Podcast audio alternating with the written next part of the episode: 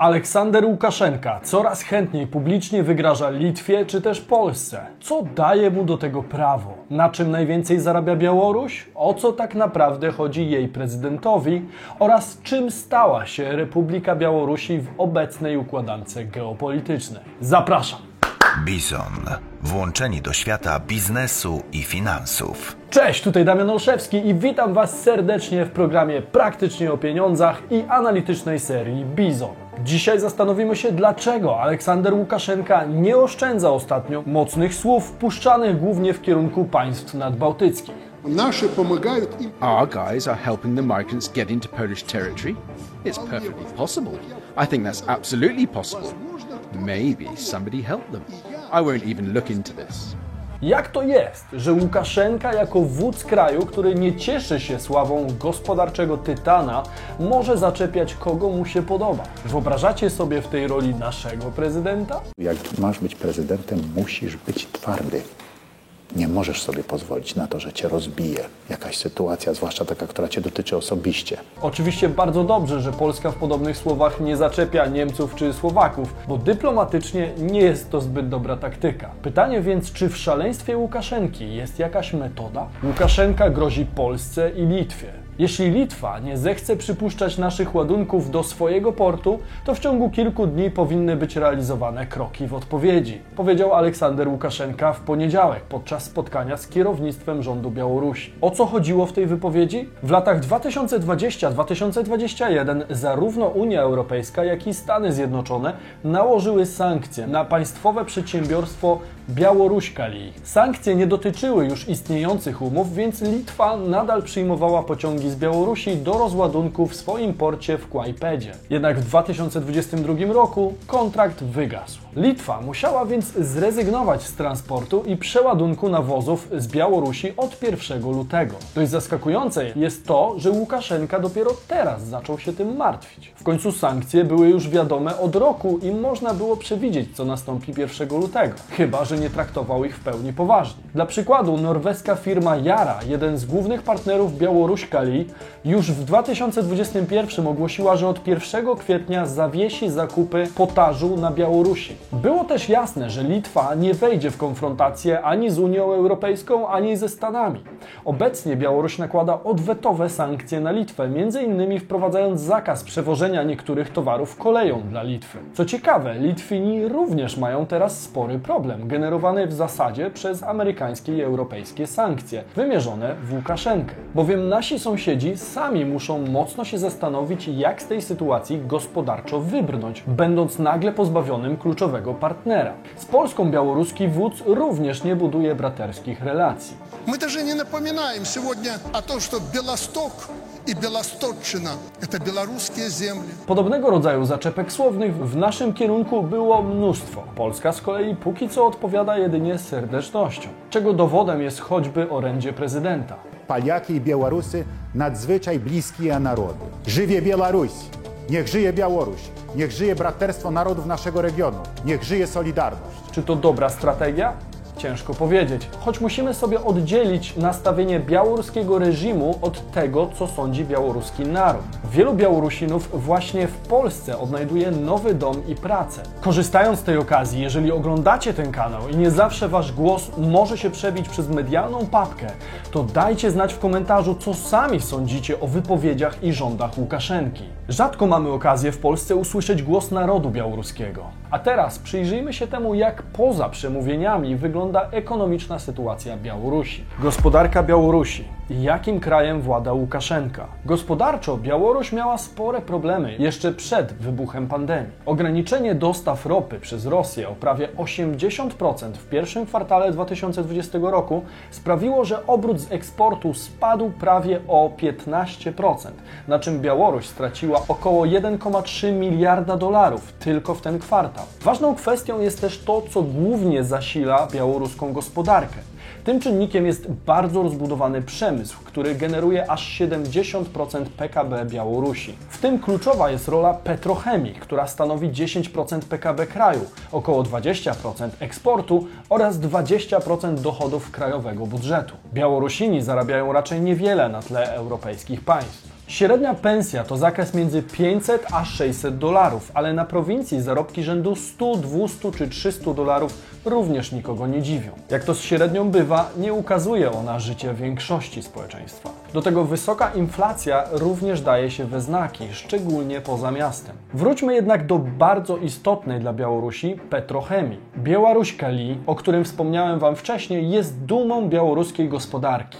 Jest to jeden z największych eksporterów nawozów mineralnych na całym świecie. W 2020 roku firma stanowiła 8,3% całego białoruskiego eksportu, a przychody wyniosły 2,4 miliarda dolarów. Cła eksportowe i podatki od eksportu Białoruś Kali stanowią od 8 do 10% całości białoruskiego budżetu. Korzystając z możliwości zakupu rosyjskiego gazu po bardzo niskiej cenie, białoruska firma ma możliwość sprzedawania swoich produktów z bardzo dobrą marżą. Marża, jaką Białoruś inkasuje przy sprzedaży nawozów sztucznych jest jeszcze wyższa niż zwykle z racji gwałtownych wzrostów cen nawozów mineralnych oraz samego potażu, co możemy dostrzec na wykresach. Taki gigant przemysłowy był jednym z niewielu sposobów na legalną dostawę obcej waluty do kraju. Z kolei Łukaszenka mocno potrzebuje dolarów i euro, bo jego narodową walutę, rubel białoruski, żaden kraj na świecie nie zaakceptuje jako środka płatniczego. Te fakty oczywiście formułują tło dla wyzwań i zagrożeń, jakie przed sobą ma w tej chwili Łukaszenka. Skutki sankcji nałożonych na Białoruś.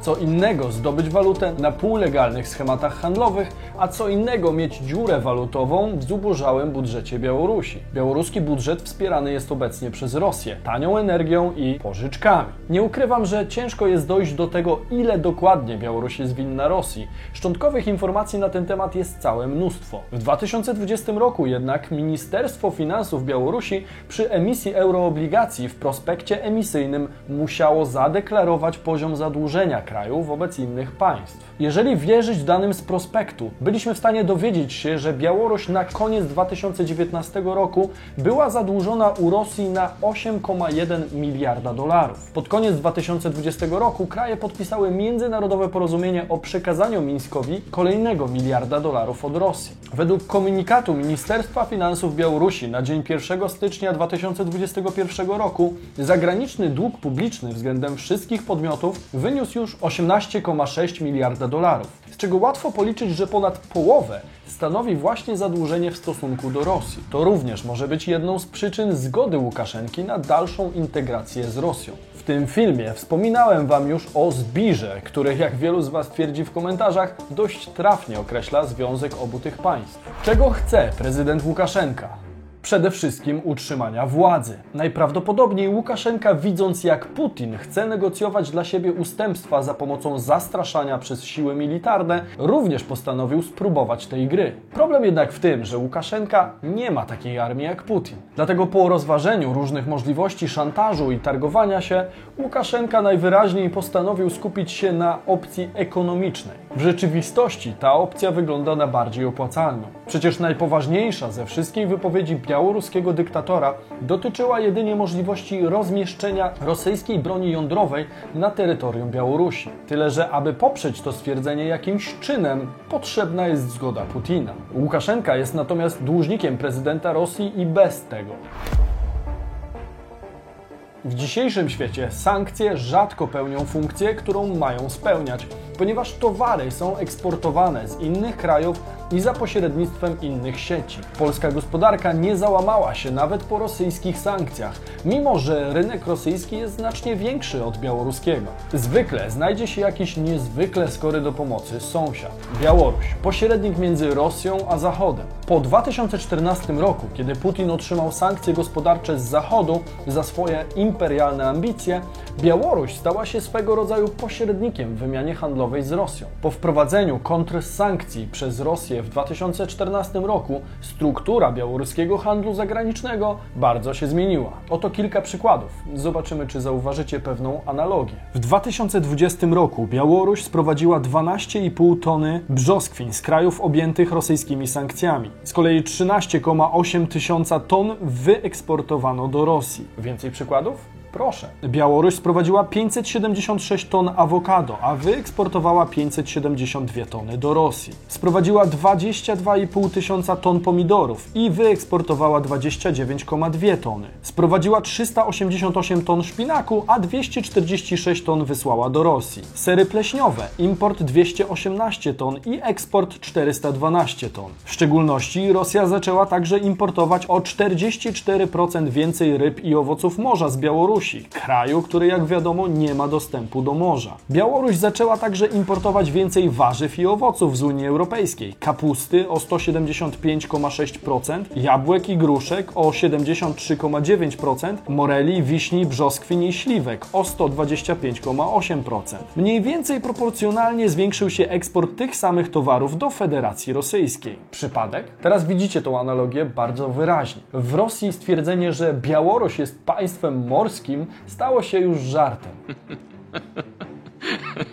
Mówimy o tym, że w Rosji sprzedawane są różne importowane owoce morza, które niby to zostały wyprodukowane na Białorusi. Jak absurdalne nie mogłoby się to wydawać, to właśnie tak to wygląda w praktyce. Polskie owoce i warzywa, których Rosja by odmówiła, z przyjemnością zostaną przyjęte, kiedy zostaną przepakowane na Białorusi i sprzedane z białoruską etykietą. Z kolei jeszcze przed sankcjami, będąc jednym z głównych krajów tranzytowych rosyjskich produktów naftowych do Europy, Białoruś stała się po prostu niezbędna dla objętych sankcjami rosyjskich koncernów naftowych. Przy okazji, jeśli chcecie wiedzieć, jak białoruscy biznesmeni i przedsiębiorstwa pomagają Rosji w ucieczce przed sankcjami, to tradycyjnie dajcie znać w komentarzu. Temat jest tak obszerny, że spokojnie może stanowić samodzielny odcinek. Sankcje wobec Rosji były więc bardzo korzystne dla Łukaszenki. Pozwoliły mu za pośrednictwem zaufanych biznesmenów z jednej strony brać udział w sprzedaży towarów do Rosji, a z drugiej pomagać Rosji w sprzedaży jej ropy i gazu.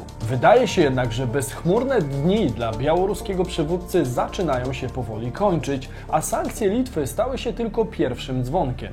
Wcześniej Łukaszenka myślał, że znów może się wydostać za pomocą licznych intryg, fikcyjnych firm i słupów, a teraz widzimy, że zaczyna się poważnie obawiać. Aleksander Łukaszenka, czy zaatakuje Polskę? W polskich mediach dyskutowana jest kwestia asów, które podobno są w rękawie Łukaszenki i mogą zaszkodzić polskiej gospodarce. Łukaszenka walczy teraz nie przeciwko Litwie, ale całej Unii Europejskiej, która przecież nie uznaje go za prezydenta. To jest wojna informacyjna, migracyjna i handlowa. Mińsk oczekuje, że partnerzy, którzy z nim pracowali przez ostatnie 25 lat, będą aktywnie uczestniczyć w lobbowaniu interesów Białorusi w europejskiej polityce. Łukaszenka kieruje się właśnie kwestiami ekonomicznymi, kiedy mówi, że jakieś europejskie państwo straci setki milionów dolarów. Wątpliwe więc, aby przy takiej sytuacji gospodarczej kraju sięgnął po metody wprost militarne. Chyba, że tej walki w głowie wodza Białorusi nie wygra zdrowy rozsądek, tylko czynniki, których nie sposób przewidzieć. A oto jeden z nich. Łukaszenka. Problemy zdrowotne dyktatora. W 1994 roku, przed drugą turą wyborów prezydenckich na Białorusi, z archiwów Mochylewskiego Obwodowego Szpitala Psychiatrycznego skradziono dokumentację medyczną AG Łukaszenki, który był tam obserwowany od połowy lat 70. Historia choroby Aleksandra Łukaszenki. Pod takim tytułem ukazał się w 2001 roku artykuł lekarza psychiatry Dimitrija Szczygielskiego, w którym opisał psychopatię mozaikową głowy państwa. Natychmiast po publikacji psychiatra wraz z rodziną został zmuszony do wyjazdu z Białorusi. Władze zagroziły, że dopadną go nawet w amazońskiej dżungli. Dimitrij Szczygielski uzyskał azyl polityczny w Stanach Zjednoczonych. Po raz pierwszy Łukaszenka zwrócił na siebie uwagę psychiatrów po ukończeniu Instytutu Pedagogicznego. Według zeznań stawił się wtedy na spotkanie z pierwszym sekretarzem obwodowego komitetu partyjnego Leonowem, uparcie prosząc go o mianowanie go przewodniczącym kołchozu. Łukaszenkę wysłano wtedy na badania i zdiagnozowano u niego psychopatię mozaikową. W 1978 roku dyrektor Mochylewskiego Regionalnego Handlu Żywnością, w którym Łukaszenka pracował, zwrócił się do dyrektora szpitala z prośbą o badanie psychiatryczne w związku z niewłaściwym zachowaniem przyszłego prezydenta. W 1982 roku Łukaszenka został zwolniony z wojska z tą samą diagnozą mozaikowej psychopatii. Oczywiście z racji komunistycznych czasów ciężko dojść do tego, na ile ta diagnoza była trafna, ale jak widać powtarzała się na przełomie przełomie lat. Spójrzcie na ich ładną twarz. Strzelają, zatruwają tych migrantów psami. Załóżmy, że są złapani migranci w Polsce, złapani na Litwie. Ci migranci są zorganizowani w grupy i przewożeni przez granicę do Białorusi. Na razie strzelają nad głowami, ale są też martwi. Zmarłych wyrzucają nam przez granicę. Tak twierdził Łukaszenka podczas corocznego orędzia do narodu. Ten cytat z przemówienia białoruskiego dyktatora doskonale oddaje jego obecny stan psychiczny. Jak już uzna kogoś za wroga, to użyje wszelkich metod, aby go unicestwić. Dlatego też ciężko jest dokładnie powiedzieć, czego można się po nim spodziewać. Podaję Wam te informacje, abyśmy byli w pełni świadomi, z kim mamy do czynienia. Doktor Szczygielski po wielu latach wrócił na wschód, pomagając m.in. rannym w Donbasie. W wywiadzie dla Radia Swoboda w 2015 roku, zapytany o komentarz do piątej kadencji Łukaszenki, odpowiedział: Ten fakt nie powoduje u mnie żadnych emocji. Co do tego, że Aleksander Łukaszenka będzie trzymać się przy władzy aż do końca, nie mam żadnych wątpliwości. Od kiedy 15 lat temu zdiagnozowałem go. Więc nie jest to żadna niespodzianka, jest tak jak było. Jestem przekonany, że na Białorusi nie ma żadnej kampanii wyborczej. To nie wybory, a pseudorytuał sakralizacji osobowości. Mała dygresja w stronę zdrowia psychicznego ostatniego dyktatora Europy jest konieczna, aby zrozumieć przyczyny jego impulsywnych i czasami nielogicznych działań. Czym Polska i Litwa zasłużyły sobie na takie traktowanie? Если даже вы поляк в Беларуси, это прежде всего гражданин моей страны, мой избиратель. Это гражданин Беларуси. Это если этнический поляк, то это мой поляк, белорусский. Это наши люди, которые живут на нашей земле. То же самое могу сказать о литовцах. Jak widać, stosunek Łukaszenki do Polaków czy Litwinów nie zawsze był tak wrogi. Jeszcze dekadę wcześniej oba narody nierzadko były wskazywane przez prezydenta Białorusi jako bracia etniczni i biznesowi. Zmiana retoryki Łukaszenki spowodowana jest przede wszystkim odwróceniem się całego świata zachodniego od jego rządów i otwartym wsparciem dla opozycji w jego kraju. Zarówno Polska, jak i cała Europa, czy też Stany Zjednoczone ewidentnie chciały obalenia reżimu Łukaszenki, co deklarowały ostrą krytyką jego rządów. Zresztą do tej pory ani Europa, ani cały świat Zachodu nie uznaje jego jako prezydenta. Europa i Stany Zjednoczone na własne życzenie zyskały zaciekłego wroga na wschodniej granicy Unii. W obliczu możliwego obalenia jego dyktatorskich rządów, jedyną osobą, która wyciągnęła rękę do prezydenta, był właśnie Władimir Putin. Nie oszukujmy się, Łukaszenka ponad ćwierć wieku się na prezydenckim stołku. Czy ktokolwiek, włączając zdrowy rozsądek, sądzi, że szósta kadencja z rzędu tej samej osoby w jakimkolwiek demokratycznym kraju byłaby możliwa? Czy Białorusini, mimo wzlotów i upadków gospodarczych kraju, nadal są w nim na zabój zakochani i idą do urn oddawać ten sam głos? Chyba nikt o zdrowych zmysłach w to nie wierzy. Nikomu jednak obecność Łukaszenki na piedestale nie przeszkadzała aż do teraz. Był dobrym partnerem handlowym, wywiązywał się z umów, stanowił pewną zaporę między Rosją a Europą, nie żywił urazy do Polaków czy innych krajów nadbałtyckich. W tej chwili jednak jego retoryka zmieniła się na wrogą. Pamiętajmy jednak, że to odpowiedź na naszą wrogą retorykę i poparcie drugiej strony politycznej. To my, Polska, Europa i Stany Zjednoczone postanowiliśmy po raz kolejny zbawiać własną demokracją i z wieloletniego partnera gospodarczego uczyniliśmy zaciekłego wroga. To oczywiście nie jest pochwałą dla rządów dyktatora i przyzwoleniem na to, co zrobił z krajem do tej pory. Jestem daleki od uczynienia Łukaszenki wzorem do naśladowania, czy wybielenia krzywd, jakie na przestrzeni lat wyrządził. Zanim jednak otwarcie skrytykujemy nieporządek na cudzym podwórku, powinniśmy chyba przyjrzeć się temu, co dzieje się na naszym własnym. A do tego zrobić porządny rachunek zysków i strat na wypadek, gdyby plan obalenia dyktatora jednak się nie powiódł. W takiej sytuacji oparciem gospodarczym i militarnym może być tylko Putin, który zyskał kolejnego asa w rękawie. Prezydent Łukaszenka gra teraz jedynymi kartami, jakie zostały mu na stole. Takie było rozdanie, takie karty ma na ręce i na taką grę pozwolił mu przeciwnik. Ciekawe, czy gdyby Białoruś otwarcie próbowała obalić prezydenta Stanów Zjednoczonych czy Polski, to stosunek Ameryki czy Europy nie byłby podobny. Ameryka wróciła, dyplomacja wróciła, dyplomacja ponownie znalazła się w centrum naszej polityki zagranicznej. Jeszcze lepiej zrozumiecie, co mam na myśli po odcinku na temat imperialnej gry Amerykanów, w której Europa jest tylko pionkiem. Dajcie znać w komentarzu, jeśli czekacie na ten odcinek. Czy Łukaszenka odda władzę? Obawiam się, że tak jak powiedział Szczygielski, będzie walczył o nią do samego końca. A im bliżej tego końca jesteśmy, tym trudniej będzie przewidzieć jego kolejny ruch. Jeżeli Łukaszenka nie wymyśli czegoś wyjątkowego i będzie stawiał jakikolwiek opór, stojąc po stronie integralności Białorusi i własnej niezależności, to możemy spodziewać się podobnego scenariusza jak w przypadku Nazarbajewa w Kazachstanie. Tutaj macie film na ten temat. Łukaszenkę najpewniej wtedy zastąpi ktoś od Putina, a interes białoruski zostanie połączony w pełni z interesem rosyjskim, które już w tej chwili w wielu sytuacjach idą w parze. Natomiast w parze z subskrypcją kanału tutaj otrzymacie dostęp do wiedzy o pieniądzach i włączymy Was do świata biznesu i finansów. Prawdziwych bizonów proszę o komentarz hashtag bizon, jeżeli podobał Wam się film. A my widzimy się w sobotę i niedzielę o 15, a w środę o 17. Cześć!